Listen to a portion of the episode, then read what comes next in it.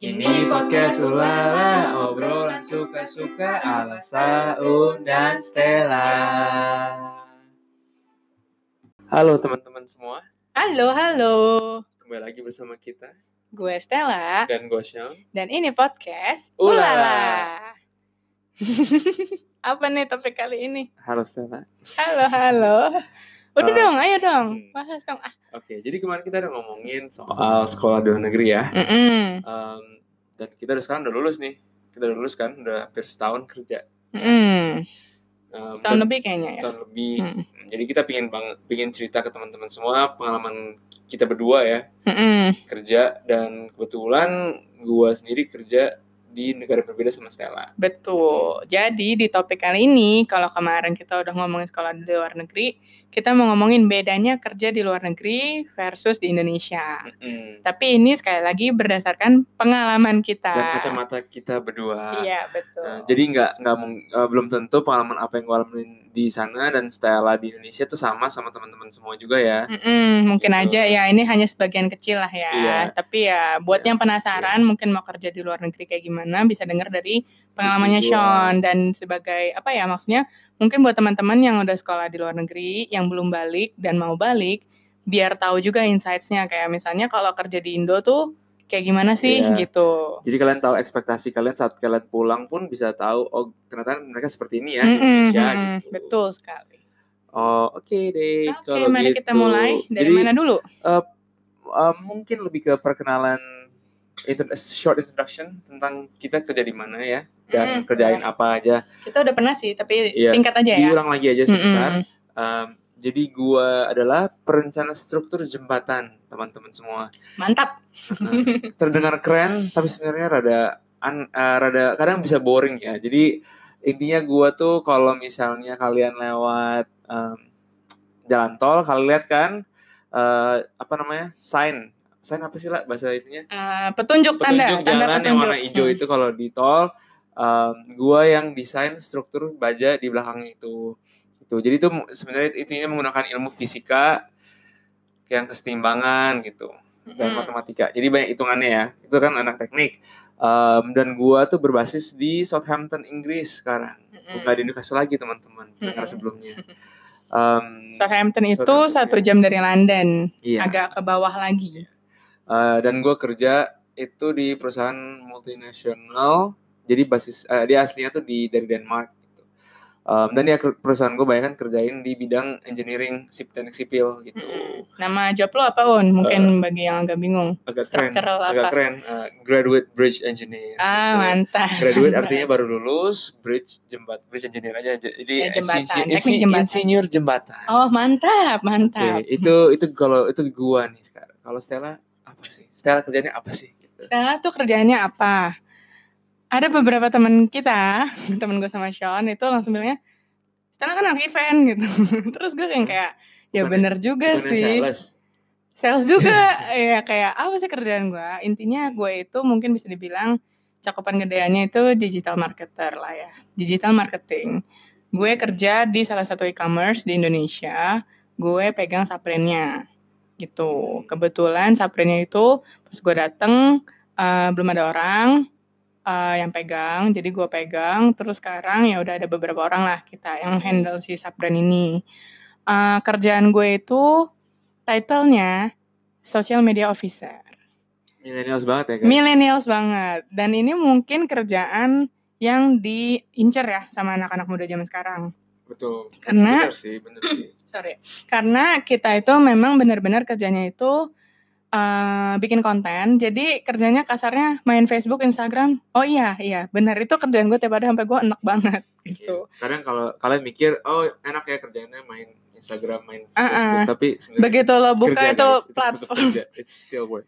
it still work. And maksudnya begitu lo buka platform itu tiap hari, lo measure, lo track, lo bikin konten, lo tahu sih gimana cara dapat engagement yang tinggi dan segala macam. Tapi ya lo fed up aja at some point at- adalah masa-masa bosennya gitu. Jadi gue bikin konten iya, eh, gue bikin event iya, karena kebetulan gue handle itu brandnya itu adalah sebuah komunitas gitu Oke, oke. gitu jadi gue bikin event juga event-event community benar-benar dari pikiran konsep terus kita survei eh, apa sewa tempat ya. Terus tempat. terus eh, cari influencer, cari KOL-nya itu gue juga.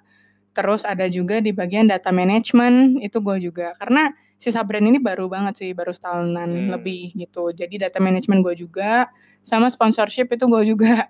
Oke. Ada sih sebenarnya sekarang kita udah ada beberapa orang dan udah mulai bagi-bagi konten gitu. Cuman ya tetap aja kerjanya saling saling saling bantu gitu di antara Hmm. empat bidang itu. Gitulah intinya emang kerjaan gue semuanya sih. Iya, sebenarnya kerjaan namanya digital marketing mungkin lebih ke apa ya sesuatu yang kita nggak kebayang nih Mm-mm. untuk zaman zaman sekarang cuman sangat sangat relevan banget loh guys Iya, intinya Hmm. digital marketing emang yang ya gitu deh yang di dunia digital. Jadi kalau pasang push ads, yang sponsor pon- sponsor kalian lihat di Instagram, gue pasang juga Mm-mm. gitu. Jadi emang mencakup semua lah intinya. Nah, jadi menarik juga sih kalau kalian lihat dari sisi kita berdua tuh berbeda banget. Gua tuh dari um, apa ya kerjaan yang udah ada dari zaman bahala gitu ya, Mm-mm, bikin betul. jembatan dan proyeknya tuh yang bisa enam bulan, lima bulan gitu. Jadi lama kalau Stansela tuh tiap hari pasti ada sesuatu yang baru. Betul, karena itu ganti-ganti terus kan. Trennya Iya. itu ganti-ganti terus. Ya, jadi mungkin ya sebenarnya mungkin kalau kita mau bandingin bandingin juga agak agak nggak terlalu apa ya agak nggak terlalu apple to apple lah kali ya Stella. Cuman ya kita singkat Sharing sem- semoga aja. bisa Mm, ya, kurang lebihnya gambar besarnya ya. mm-mm. gue mau cerita dulu nih teman-teman uh, gimana sih caranya apply kerja di Inggris gitu kan karena Hmm. uh, Banyak yang nanya banyak ya, banyak ya. yang nanya dan teman-teman tuh sangat sepertinya sangat tergiur sekali untuk kerja di luar negeri. Um, uh, jadi kalau untuk apply di UK itu kita ada musim musimnya gitu. Jadi musim apply kerja itu mulai September Mm-mm. sampai Desember. Itu kalian mulai apply apply. Jadi apa yang dibutuhin? Pertama uh, CV dan cover letter. Cover letter apa? Surat lamaran ya? Surat. Aduh, gue nggak tahu nama Indonya. Gue juga nyebutnya cover letter sih. Iya surat ya saya surat lamaran ya surat Mm-mm. lamaran yang kalian Tujukan ke perusahaan. perusahaan dan kurikulum vitae kalian ya Iya. jadi kalian butuh dua itu doang guys teman-teman Em, kalau kalian bilang oh butuh nilai UN enggak eh butuh nilai ijazah enggak hmm, enggak beda sama di Indonesia. Kalau di sana tuh mereka lebih cari CV Ya, dan cover letter. pengalaman kerja sih. Iya, jadi nggak nggak nggak harus kalian udah lulus baru apply kerja. Jadi kalau gua apply kerja setahun sebelum lulus. Mm-mm. gitu itu jadi ya kurang lebih musimnya tuh Sep- September sampai Desember. Dia mulai invite buat interview itu Januari ke April Uh, dan interview itu tuh biasa ada berbagai um, proses ya Mm-mm. kalau proses pertama biasanya tuh kalau apa uh, tes aptitude testing itu mungkin lebih ke tes matematika tes bahasa Inggris Mm-mm. uh, terus tes logika nah itu aptitude testing kemudian bisa lanjut ke uh, phone interview sama HRD-nya aja jadi Mm, pertanyaan-pertanyaan singkat gitu. ya Mm-mm. pertanyaan singkat kemudian baru namanya terakhir assessment center Iya. Assessment center tuh uh, mungkin yang nggak agak jarang ya yang gue denger di Indonesia atau gue pernah ada atau enggak Uh, di Indo jujur ada sih, tapi nanti Ada ya, ya? nanti gue ceritain oke. ya. Hmm. kalau assessment center gue ya mungkin uh, jadi di dari dari ber- berbagai kandidat gitu dipanggil 8 orang ke dalam kantor utamanya terus dikasih berbagai challenge jadi misalnya challenge pertama kalian harus uh, bikin desain satu jembatan bareng-bareng tapi yang gampang terus mungkin te- habis itu kalian disuruh kerja kelompok lain atau presentasi bareng-bareng gitu Uh, habis itu baru mungkin lebih pribadi technical questions terus uh, personal interview Mm-mm. gitu Um, jadi hari itu tuh benar-benar yang kayak full interview, tapi kalian nggak cuma dilihat interview pribadi, tapi juga how you work with a group itu juga Mm-mm. dites. Teamwork Itu- gitu. Itu menarik banget di sana. Um, dan ya setelah itu kalau udah apply, ya bisa di, di- dikasih kabar seminggu setelahnya udah dikasih kabar sih. Uh, tapi kalau susahnya buat gua, itu gua perlu visa. gitu. Betul, karena kita itu warga negara Indonesia. Oh, warga negara asing di sana ya. Jadi kita Hmm, nggak asing di sana. uh, jadi kita butuh visa. Nah, um, nggak semua perusahaan tuh boleh sponsor visa menurut pemerintah di Inggris. Jadi kalian tuh harus ada istilahnya akredi- akreditasinya untuk kalian bisa punya ser- sertifikat itu. Uh, mungkin kebetulan karena perusahaan gue tuh perusahaan teknik ya, perusahaan engineering, um, peminatnya emang sedikit dari uh, bukan peminatnya ya mungkin pool yang mereka just cari itu sedikit. Um, jadi kalau kalian dari bidang yang lebih engineering, programming, um, dokter gitu, uh, dia emang lebih banyak yang cari karena pendaftar dari warga lokalnya sendiri itu nggak banyak gitu. Jadi gue emang hoki dan kebetulan kesempat, punya kesempatan itu dan perusahaan gue lagi cari juga. Mereka udah nggak ada opsi lain dari warga lokal. Terus gue apply dan ayo udah akhirnya gue dipanggil ya lewatin proses interview itu. Nah kalau itu kurang lebih proses in, apa di di, Di UK, UK ya kayak gitu teman-teman. Nah, tadi gue mau highlight deh, Un. Tadi lu bilang eh, apa? Hoki. Menurut gue hoki itu ada dalam nyari kerjaan, tapi at Uh-uh. some point preparation itu juga penting. Oh bet- betul banget preparation, Preparation itu penting banget. Soalnya kalau gue boleh cerita, kan banyak yang nanya gue nih, Stella kenapa nggak kerja di UK juga sih? Iya benar. Gitu, kayak- sama Stella di di UK. Iya, kayak kenapa sih nggak kerja juga? Nah, sebetulnya ada beberapa alasan lah ya. Hmm. Maksudnya ada beberapa alasan. Jadi eh, tadi Sean udah sempat mention dikit kalau misalnya di UK itu eh, yang engineer segala macam mungkin lebih dikit. Dan sebetulnya sama mungkin di Indo ya gitu. Karena kalau Iya. misalnya di sekarang ditanya siapa yang digital marketer juga jauh lebih banyak umur gua kayaknya. Maksudnya uh, uh, pekerjaannya. pekerjaannya Oke, ada oh, oke. dan maksudnya ya peminatnya pasti lebih banyak karena itu marketing tuh berhubungan banget sama sosial gitu humanities yang Hmm. maksudnya kayak orang bisa aja hobi eh terus jadi marketer gitu-gitu Hmm. nah eh, tapi tadi balik lagi dulu ke preparation Eh, kan tadi teman-teman tahu ya Sean udah bilang kalau misalnya apply buat graduate job itu biasanya setahun sebelumnya Iya. Sementara gue waktu itu gue tuh masih galau tuh. Abis gue master, gue masih galau kayak gue apply nggak ya? Jadi selama sekolah itu harusnya lo udah apply. Iya. Begitu benar. masuk master, harusnya lo langsung apply. Gitu. Jadi kita tuh biasa kalau di UK mulai sekolahnya itu bulan September. Iya. Jadi begitu lo masuk, harusnya lo udah mulai cari tuh Iya. company mana yang lo mau. Waktu itu gue masih ah udah lihat aja dulu. Sementara Sean itu udah apply. Iya, tapi emang kalau dari sisi kita ya, kalau gua kan udah tahu sih lah mau kerja di mana, sedangkan kalau lu kan emang banyak kan, luas sekali ya ah. pastinya gitu ya. Ya, jadi itu tantangannya. Pertama gue belum apply, gue baru mulai apply itu apply itu sekitar Januari atau Maret gitu ya. Gue mulai dari Januari, tapi yang gue bener-bener baru fokus itu Maret. Iya. Which is sebenarnya udah telat kalau di UK. Padahal gue masih graduate-nya itu, gue baru graduation Desember guys. Jadi sebenarnya lama banget. Cuman kalau di UK sistemnya seperti itu Iya. gitu mungkin ya itu itu pas tahun kita tapi mungkin di tahun yang sekarang nih mungkin teman-teman ma- lebih gampang karena Iya. setahu gue eh, ditambah dua tahun Iya. Visanya Jadi- untuk cari jadi, kerja eh, Visa kalian setelah misalnya setahun untuk master, tambah dua tahun ekstra untuk kalian bisa cari kerja. Itu sih. Iya, Ya. jadi eh, bedanya itu kalau pas tahun gue sama Sean kita itu lulus 2018 belum belum dapet yang kayak gitu jadi lulusnya Desember ya visanya habis Januari makanya waktu itu gue udah apply eh ada yang nyangkut satu terus dia nanya kayak lu butuh visa atau lu butuh kerja langsung? Kalau lu butuh kerja langsung lu masuk aja minggu depan dia bilang gitu. Tapi Oh, kalau. Iya maksudnya yang kayak gitu. Terus gue bilang gue butuh visa. Kalau butuh visa kita nggak bisa kasih. Ya udah makanya itu gue pulang. Gitu. Dan merantau lah. Bukan merantau. Aku merantau. Pulang kampung. pulang kampung.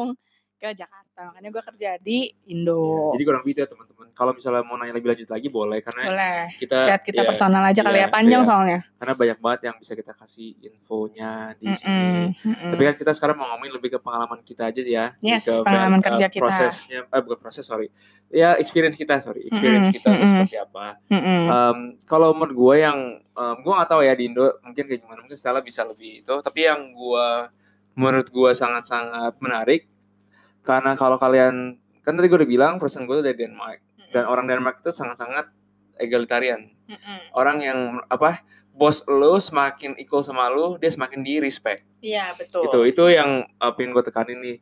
Jadi kalau gue di kantor istilahnya tuh nggak ada em, hierarki atas sama bawah. Betul. Gue panggil bos gue dengan nama dia duduk sebelah gue dia nggak punya kantor sendiri ya CEO utama aja tuh bisa duduk sama sebelah admin. Jadi itu betapa apa ya ya equalnya semua orang di perusahaan itu. Eh, jelas tentu masih misalnya kayak kita perlu approval dari dari manajer kita tentu. Cuman eh, manajer kita pun selalu menanyakan menurut lu bagaimana? Menurut lu bagaimana? Hmm, jadi dia tuh lebih menanya pendapat kita kenapa kita kasih proposal ini, mm-mm. kenapa kita pitch solusi ini. Jadi dia tuh respect dengan apa yang kita ngomongin. Jadi nggak ada tuh yang istilahnya kayak em, bos lu ngasih tahu lu ngomong apa lu harus kerjain. Hmm. Kalau bos gua nanya, lu bisa lu kerjain ini, lu butuh berapa lama Mm-mm.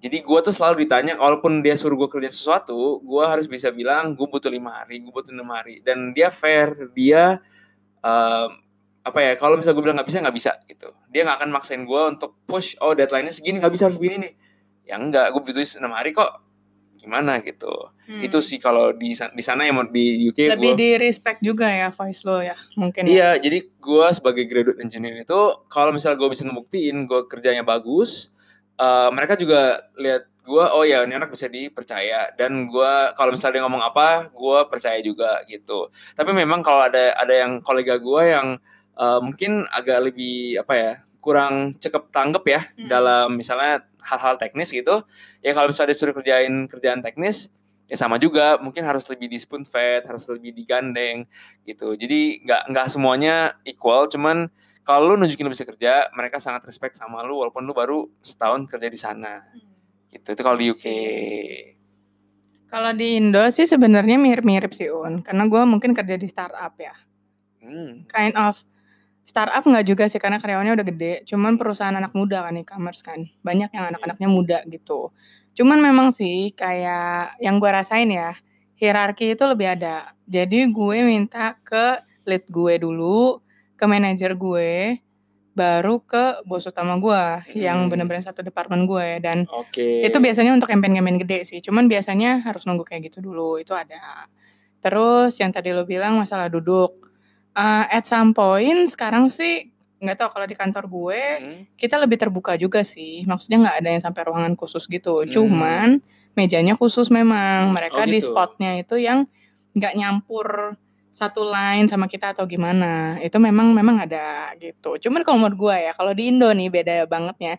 Jadi gue pernah kerja juga ya buat teman-teman yang nggak tahu, dulu kita sama-sama pernah magang ya Un, di di mana tuh maksudnya di Inggris oh, kita kerja, kerja kita pernah Ya, kerja i- part-time. intern ya intern di Inggris ya. kita Oke, pernah oke. intern Ya, ya, walaupun company-nya beda gitu. Jadi Iya. pernah ada pengalaman kerja walaupun sebagai intern dan bedanya jadi intern di Indo, gue pernah di Indo dulu waktu itu Hmm. sama di UK itu kalau di UK lu dikasih satu project gede biasanya. Jadi oh setuju sih jadi gua waktu itu misalnya ada satu yang gua dikasih project buat research.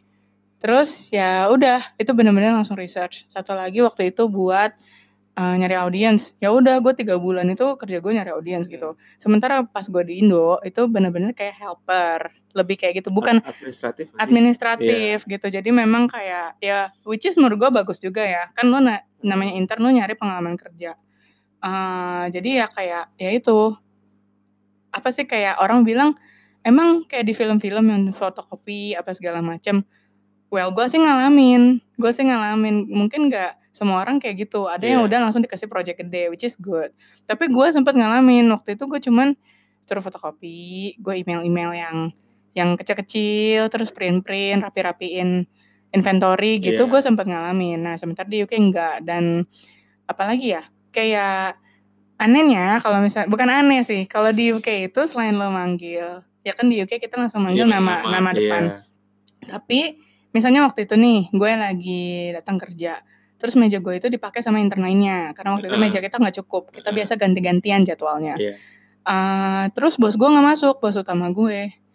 Padahal dia di- director gue loh, yang kayak maksudnya Iya. dia director gue Iya. gitu, dia yang utamanya.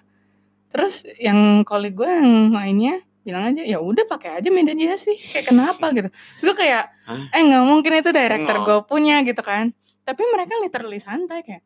Ya udah pakai aja nggak apa-apa lo santai aja gitu Jadi emang ekspektasi mereka kalau ya lo tuh em, apa namanya ya cuma lu cuma pengalaman lu lebih dikit aja dibanding mereka. Jadi tapi nggak berarti lebih bodoh atau lebih Iya. nggak bisa kerja ya. walaupun di Indo juga maksudnya bukan seperti itu iya, nggak- cuman nggak semuanya kayak loh, maksudnya nggak nggak nggak nggak mereka nggak apa sih namanya nggak terlalu apa namanya ya? nggak nggak ini juga nggak apa ya ngomongnya ya cuman Nggak- nggak tidak se- nggak seperti se- nggak itu se- nggak se strict itu nggak nggak Ah-ah. se apa sih namanya? Oh ya gue bos lu bawahan gitu. Mm-mm. Tapi Cuman maksud- lebih ada hierarki. Lebih, iya, lebih kerasa kayak oh iya apa kalau Indonesia kan oh iya Pak, iya Bu gitu. Sedangkan gua kan kayak hello, how are you gitu. Mm-mm. Jadi lebih santai. terus juga yang lucunya kalau misalnya pas di UK itu kan kita suka tea time ya, ya kan ah, Dan gue tea break gitu biasa jam 3 jam 4 tuh saat-saatnya kalau di Indo jajan kopi-kopi lah di bawah Iya. kayak jajan-jajan gitu. Nah kalau misalnya kita kan tea time dan biasa kita bikin sendiri.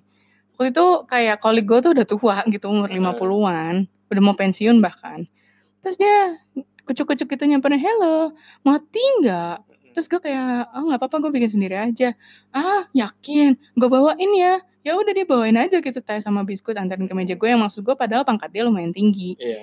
yang kayak gue bukannya bilang nggak mungkin itu di Indo cuman jarang aja gue sih nemu kayak gitu. Mungkin kalau company-nya masih kecil mungkin ya gitu tapi untuk di company yang waktu itu juga ya lumayan besar kayak ya lucu aja gitu ada yang Iya. kayak gitu Ya, tapi emang gue pernah nemu juga sih di kantor gue yang udah petinggi senior gitu kok kesannya lebih sombong emang ada. Cuman Hmm. ya menurut gue itu satu dari sa- satu semua orang di kantor gue cuma dia doang yang agak sombong. Jadi ya eh, ya ya nggak semua orang lah tergantung orangnya juga. Cuman overall seperti itu. Mm-mm. terus kalau misalnya temenan Oh temenan di kantor. temenan di kantor gimana coba di UK dulu deh Em, kalau menurut gue ini agak agak susah juga karena mungkin culture di UK apalagi yang kalau gue di Southampton kan bukan kota gede ya lah ya bukan nggak di London gitu. Mm-mm. jadi banyak banget orang warga negara Inggris yang lokal gitu yang kerja di kantor gua Um, dan seperti yang kita sebut di topik sebelumnya orang UK itu suka minum drinking culture mereka kuat sekali Mm-mm. jadi tiap kali sosial- sosialisasi mereka tend to apa ya ajak gua ke pub ke bar dan ke pub gitu minum Um, cuman ya gu- gua yang nggak minum pun gua apa ya datang aja gitu. Bukannya nggak minum nggak minum bir ya. Gue minumnya ya coca cola minum jus minum air putih. Dan mereka respect itu. Nggak ada yang namanya peer pressure bahwa lu harus minum lo bareng gua biar lu jadi friend gua gitu. Mm. mereka ya udah eh Sean lu nggak minum ya? Udah nggak apa-apa lu minum air putih aja kok temenin kita ngobrol-ngobrol aja gitu. Iya sih kadang gue kayak ya lalu ngapain sih minum mulu tiap kali gitu kobam gitu. Tapi ya gue respect gue seneng banget karena mereka masih involve gue walaupun gue tuh nggak termasuk sama culture mereka gitu.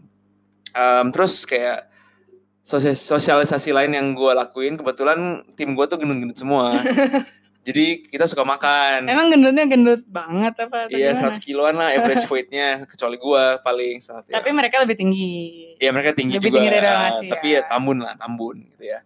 Em, mereka suka banget namanya buffet. asik Kita tuh ada apa? all you can eat All you can eat adventure di sana. Kita udah cobain semuanya dari Chinese food, Indian food. Kita cobain all you can eat. Jadi salah satu sosialisasi kita ya makan, makan bareng. Em, ya tap- tapi menurut gua susahnya di sana tuh gua susah untuk cari teman dekat. Hmm.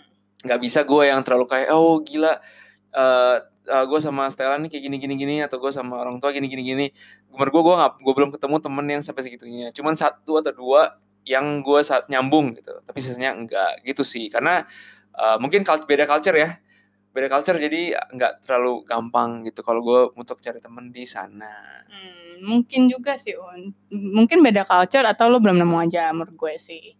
Ya kan? Karena kan maksudnya ya sekarang kita kerja eh, apa sih waktunya itu ya banyak kan di kantor. Udah sampai kantor Hmm. udah pulang ke rumah masing-masing. Sebenarnya gue di Indo juga ya sama-sama aja sih. Kayak Hmm. maksudnya ada yang bisa dijadiin itu. Cuman maksudnya kalau temen deket banget yang sampai detail-detail ya itu kan tergantung lo lo mau cerita atau enggak Iya, bener. Gitu.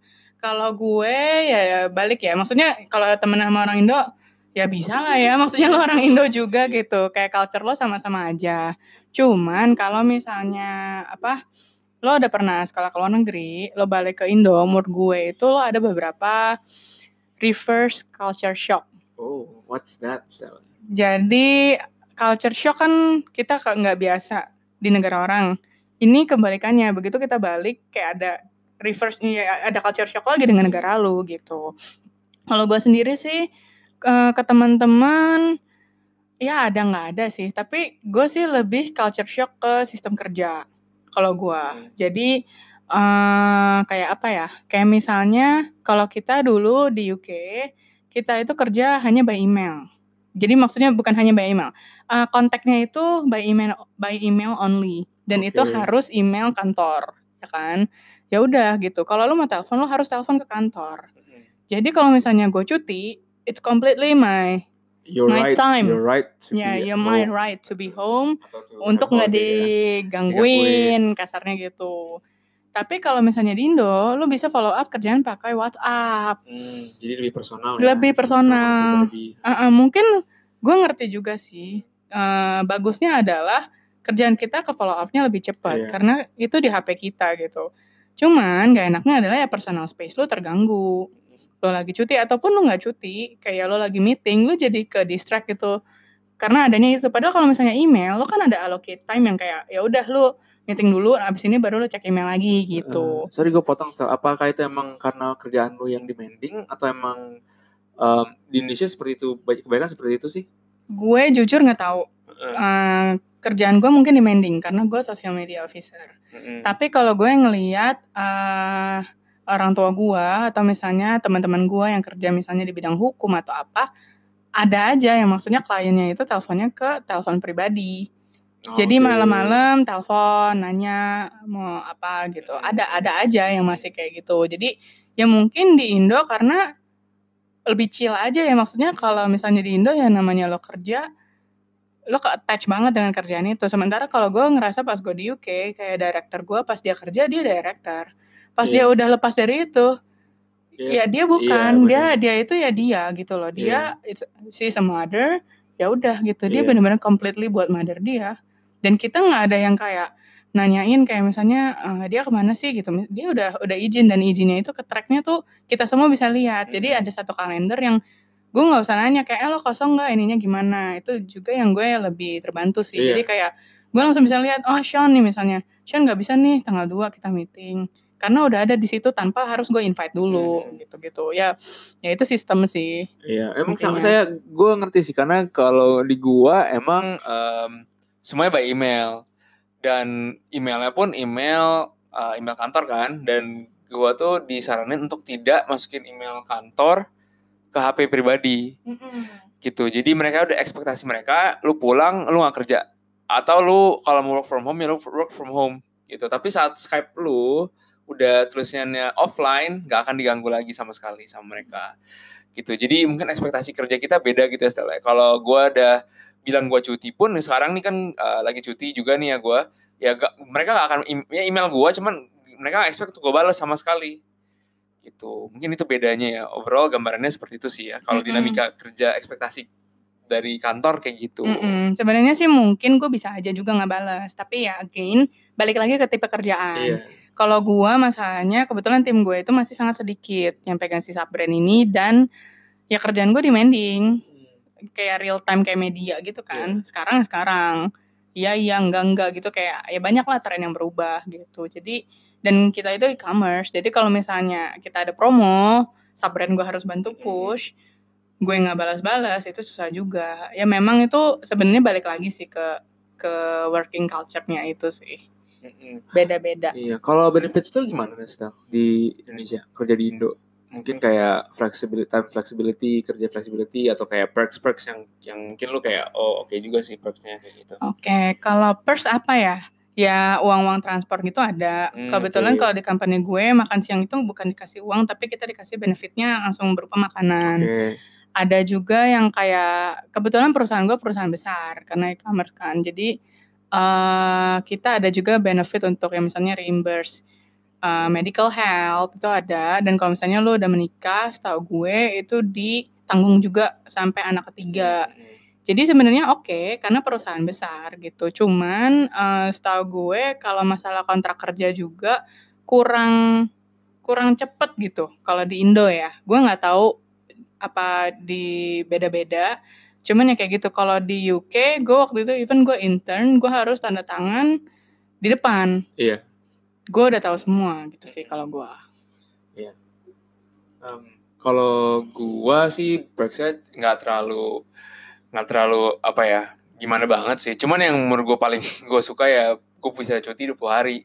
Hmm. yang benar-benar di Indo kan gue dengar-dengar setelah 10 hari temen gue 12 hari dan gue yeah. punya 20 hari. Iya sih gue nggak punya kayak oh cuti lebaran atau cuti natal. Ya tapi tetap aja 20 hari banyak loh. Dan gue juga punya libur-libur nasional juga yang gak sedikit. Jadi itu sih gue perksnya. Mm-hmm. dan kalau mau work from home mereka kasih gitu dengan alasan yang jelas gitu ya misalnya kayak oh rumah uh, eh, gue pingin jaga rumah karena gue pingin jaga anak gitu mereka akan kasih itu hmm. itu menurut gue benefits yang di UK itu lumayan di uh, apa namanya lumayan diagung-agungkan ya hmm. gitu kalau di Indo sebenarnya work from home juga ada sih cuman tergantung company-nya company gue sih mungkin boleh aja kalau ada case tertentu tapi kalau enggak ya enggak gitu. Gue baru gue baru tahu juga sih ternyata bisa di Indo gitu untuk apa work from home. Di Indo sih sekarang udah bisa, ya makanya Hmm. tergantung company-nya. Ah, kalau jadi kalau gue sih emang gue udah milih di UK ya untuk kerja di UK. Um, dan menurut gue ada beberapa nggak enaknya yang bisa gue tekenin ya jujur sama seperti pas gue bilang uh, yang gue sekolah di luar negeri jauh dari rumah, jauh dari keluarga, jauh dari pasangan. Asik. Hmm. Um, jadi banyak pasangannya aku, aku lupa. Ya lupa maaf teman-teman. Tadi gue mau super romantis. Uh, uh, jadi emang banyak banget yang rasanya gue miss di selama setahun itu. Itu sih menurut gue utama nggak enaknya. Um, tapi Tapi ada enaknya juga ada enak-enaknya juga. Uh, kayak tadi gue sebut juga dan menurut gue ya uh, gue berasa bisa berkembang sih di sana gitu di UK karena gue dapat kacamata dan perspektif kerja di luar negeri seperti apa sih. Dan apalagi kan gue di bidang konstruksi nih. Ya semoga gue bisa berharap gue bisa membawa apa yang baik di sana dan gue aplikasikan di Indonesia. Itu sih yang tujuan gue kerja di UK. Nah tadi kan coba Sel, kalau menurut gue kan eh gue udah sebut nih enak-enaknya. Kalau lu di Indonesia apa sih yang lu kayak ah, enak juga kerja di Indo ya gitu. Di Indo, gue menurut gue enak kok. Emang menurut lo kayaknya gue bilangnya gak enak ya? Nah, enak, enak. Cuman kan kayak gue pengen tahu aja sih gitu loh. Oke, kalau sebenarnya gini, kalau misalnya enaknya waktu gue kerja di UK itu tuh kayak lo tuh transport enak banget men. Ya gue nggak tahu ya, karena gue waktu itu di kota kecil, gue di Newcastle kerjanya juga. Kalau di London itu mungkin sama kayak di Jakarta lo harus naik tube yang undergroundnya itu lo desak-desak sama orang, jadi sebenarnya sama aja. Cuman ya itu kayak lo lebih less hassle gitulah intinya pas gue di UK waktu itu. Hmm. Jadi lu bisa pakai baju kasarnya lebih keren karena kalau misalnya di sini gue kerja capek banget main naik ojol lanjut busway kalau misalnya gue nyetir jauh banget ke pusat yang kayak macet gitu-gitu. Karena gue Ah. kerja di Jakarta.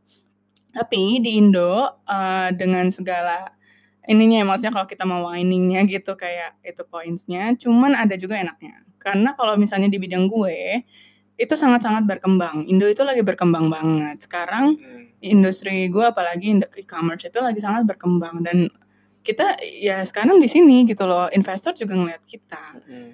Eh, apa ya kayak lo lo bener-bener di generasi yang kita bener-bener nih seumur Hmm. kita nih 20-an mid 20s gitu kita bener-bener di generasi yang lagi saatnya apa kayak lagi pegang foundationnya gitu gitu loh kayak ini mulai jalan eh, ini lagi dikembangin pemerintah lagi butuh orang-orang kayak kita gitu jadi sebenarnya bagusnya adalah di situ lo bisa Hmm. belajar banyak hal baru yang kayak gue bahkan pas di UK gue itu nggak tahu kerjaan kayak gue itu ada gue pikir kalau social media officer itu ya bikin konten tok tapi ternyata Oke. ya literally lo mikir semuanya gitu campaign event ada aja kerjaan kayak gini Hmm. gitu yang gue nggak tahu untuk lulusan dengan degree gue ya gitu sih Jadi teman-teman um, mungkin poin menarik juga dari gua dari di UK itu kan um, kita se- sedang apa sih namanya menjalani masa yang gak susah karena kan Brexit, Brexit, gitu ya. Brexit. Jadi emang untuk lawan kerja tuh lebih sedikit,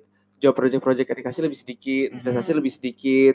Um, jadi ya gue juga risk, punya risk untuk bisa dipecat karena kita lagi susah nih gitu dan kenapa ke mana uangnya ke negara berkembang di Asia gitu. betul Jadi teman-teman kalau- Indo iya, salah satunya Ya, jadi gue sih nggak mau ngomongin gaji nih di sini. Cuman kayak kalau kalian merasa oh gaji lu gede, tapi ya mungkin naiknya nggak secepat itu loh, Mm-mm.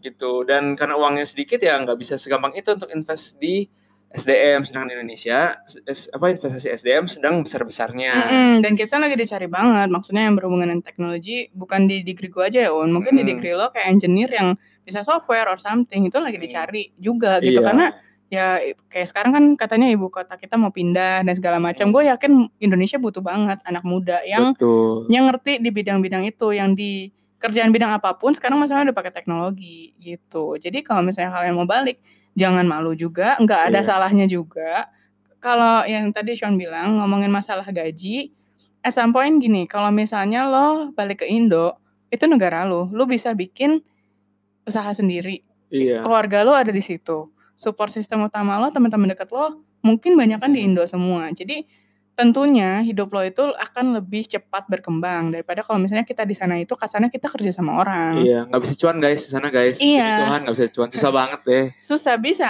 lo bikin bisnis bukannya nggak bisa bisa cuman ya maksudnya eh, mungkin Sean pernah bilang Udah pernah bilang belum ya? Atau ke gue doang? Kayak lo kalau misalnya lo kerja di satu director gede sama lo bikin bisnis. Yang gak gede-gede banget, Oh, itu- maksudnya yang itu- kayak itu- SMI. Oh itu yang gue bilang dong kalau. Oh itu gue lo ke gue doang ya, belum Iya. share ke Ah, teman-teman iya. nih, coba gimana? Jadi intinya poin yang gue pengen sampaikan itu kalau misal di UK itu eh, lu di sana kerja sama orang, lu udah kerja level director, sama lu punya perusahaan sendiri yang menengah menengah ke bawah, perusahaan level gedenya, kemungkinan besar lu tuh lebih punya uang banyak kalau lu kerja sebagai director, karena kan uangnya, eh, istilah gaji lu lebih tinggi dibanding profit yang lu dapat sebagai eh, eh, business owner gitu ya di sana, gitu. Sedangkan Indonesia tuh beda lagi Mm-mm. ke Indonesia menurut gua mungkin kalau apa lu punya bisnis sendiri kadang profitnya bisa jauh lebih Jauh besar lebih gede. dibanding saat lu kerja sama orang walaupun di level yang direct director Mm-mm. Gitu. Gitu. Jadi memang ada semuanya ada plus minusnya Ah, bener. gitu. Jadi enakan kerja di luar negeri atau di Indo? tergantung masing-masing Tergantung masing-masing pribadi. tergantung company-nya gimana tergantung Uh-uh. orangnya seperti apa kalau Uh-uh. jujur gua sih enjoy banget kerja di sana gue senang dan gue pilihan apa yang gue pilih uh, benar menurut gue tapi gak menutup kemungkinan gue akan pulang Mm-mm. Karena menurut gue ngapain lo harus stuck, oh gue harus kayak di luar negeri terus nih? Enggak juga. Karena menurut gue ya lu boleh explore tapi eventually lu juga harus apa ya, lihat opportunity lain. Betul. Nah, betul. saya bilang Indonesia lebih maju ya kenapa? Ngapain gue di sana terus kalau Indonesia Mm-mm. lebih, lebih maju gitu. Mm-mm. Karena kalau misalnya di case gue, jujur gue pulang itu tadinya bukan pilihan utama. Mm-mm. Tapi mau nggak mau gue harus pulang kan. Dan ya kalau bahasa kerennya katanya make lemon tea out of lemon gitu. Eh menit gak sih? Eh lemon tea Kok salah? Sorry teman-teman. maaf, maaf, maaf. Maaf banget, maaf banget. salah. Ketahuan deh Asia sukanya lemon tea. Aduh, oke. Anyway. Lanjut, lanjut, lanjut, Lanjut, lanjut. lanjut. ya lu lu pada ngerti lah ya maksud gue apa Iya. ya. Nah intinya uh, gue waktu itu pas gue pulang gue cuma mikir gini, oke sekarang gue di Indo, mungkin gak gue keluar negeri lagi mungkin, tapi susah. Karena Iya. kalau misalnya keluar negeri lagi gaji gue udah harus ada certain level dan biasanya itu levelnya udah CEO yang kayak Hmm. maksudnya oke berarti kesempatan gue banyaknya di Indo. Ya kenapa enggak gitu? Gue cari aja company yang memang ya gue mau juga gitu. Jadi lo lo jangan takut. Justru di Indo dengan yang tadi gue bilang ada loh kerjaan kayak gue yang tadinya gue nggak tahu ada kerjaan kayak gini. Gue pikir kalau misalnya lulusan marketing sama komunikasi background gue itu ya gue kerja agency gitu. Ternyata enggak. Ternyata gue dapat kerjanya client side. Oh ternyata ada juga yang kayak gini gitu. Hmm. Jadi terutama buat yang fresh grade ya kayak explore aja dulu sih gitu ke mana hidup membawamu kasarnya gitu. Cuman kalau misalnya lo sekarang kayak lagi di luar negeri nih lo dapat kesempatan untuk kerja sana dulu, nggak ada salahnya juga lo kerja sana dulu karena maksudnya uh, ya lo nggak semua orang dapat kesempatan kayak lo gitu aja. Hmm. Itu susah gitu. Kalau di Indo kasarnya lo pasti balik dan lo akan dapat kerjaan walaupun gua nggak jamin itu cepat juga. Iya, Tergantung benar. tergantung hoki Iya. masing-masing juga kalau kerjaan gitu. Jadi enak gak enaknya ya ya beda gitu. Kalau misalnya di Indo, lu bisa bikin side hustle sendiri. Yang maksudnya kalau misalnya apa sih? Kalau misalnya apa ya? Ya kalau misalnya di sini ya karena lo nggak harus berhubungan dengan visa itu kan, terserah Iya, lo. Jadi mas- dan uh, opportunity opportunity lu banyak gitu. Koneksi ke vendor-vendornya banyak. Sedangkan di Iya. UK itu um, untuk modal yang lu keluarin, untuk lu bikin online shop aja itu nggak murah. Mm-mm. Sedang di Indonesia tuh dengan uang yang se- di, apa seberapa persen dibanding di UK, lu bisa bikin online shop lu sendiri. Vendornya bisa banyak vendor gitu. sebenarnya. Mm-mm. Ya gitu deh ya cerita Nah, kita gitu- itu kayaknya cukup untuk hari ini ya. Untuk kita wrapping kerja, up. Ya, kerja di luar negeri sama kerja di Indonesia. Mm-mm. Kalau mau tanya-tanya boleh loh guys. Kita sangat-sangat apa namanya eh, senang untuk bisa jawab Mm-mm. hal kayak gini karena kan menurut gue nih salah satu yang lumayan penting ya apalagi di Mm-mm, umur-umur mm-mm. awal kayak gini Mm-mm. untuk pemilihan kerja atau ya mau nanya-nanya aja deh gimana Mm-mm. ya boleh banget ya Semoga kita bisa membantu walaupun Iya. pengalaman kita juga belum Masih- sebanyak itu. nah, baru satu tahun juga tapi ya ya semoga hopefully kita bisa helpful buat teman-teman ya. Iya, semoga helpful ya. apa what's next then What's next What's ya? next? Ah, jangan di reveal dulu kali Oke, ya. ini very very private. lihat us. Instagram kita Iya. dulu aja kali ya. Instagram pribadi dulu ya. Kita belum bikin yang khusus buat Oh iya, podcast kita ini Perlu sementara. sebut lagi Instagram pribadi kita atau kita? Perlu kali ya. Oke, eh, Instagram gue Shaun Putra S H A U N P U T E R A. Dan gue lifestyle L I V S T E L L. Oke, that's all for today and thank you for listening guys. Thank you, semoga membantu ya. Okay, Bye bye. Bye, have a good day.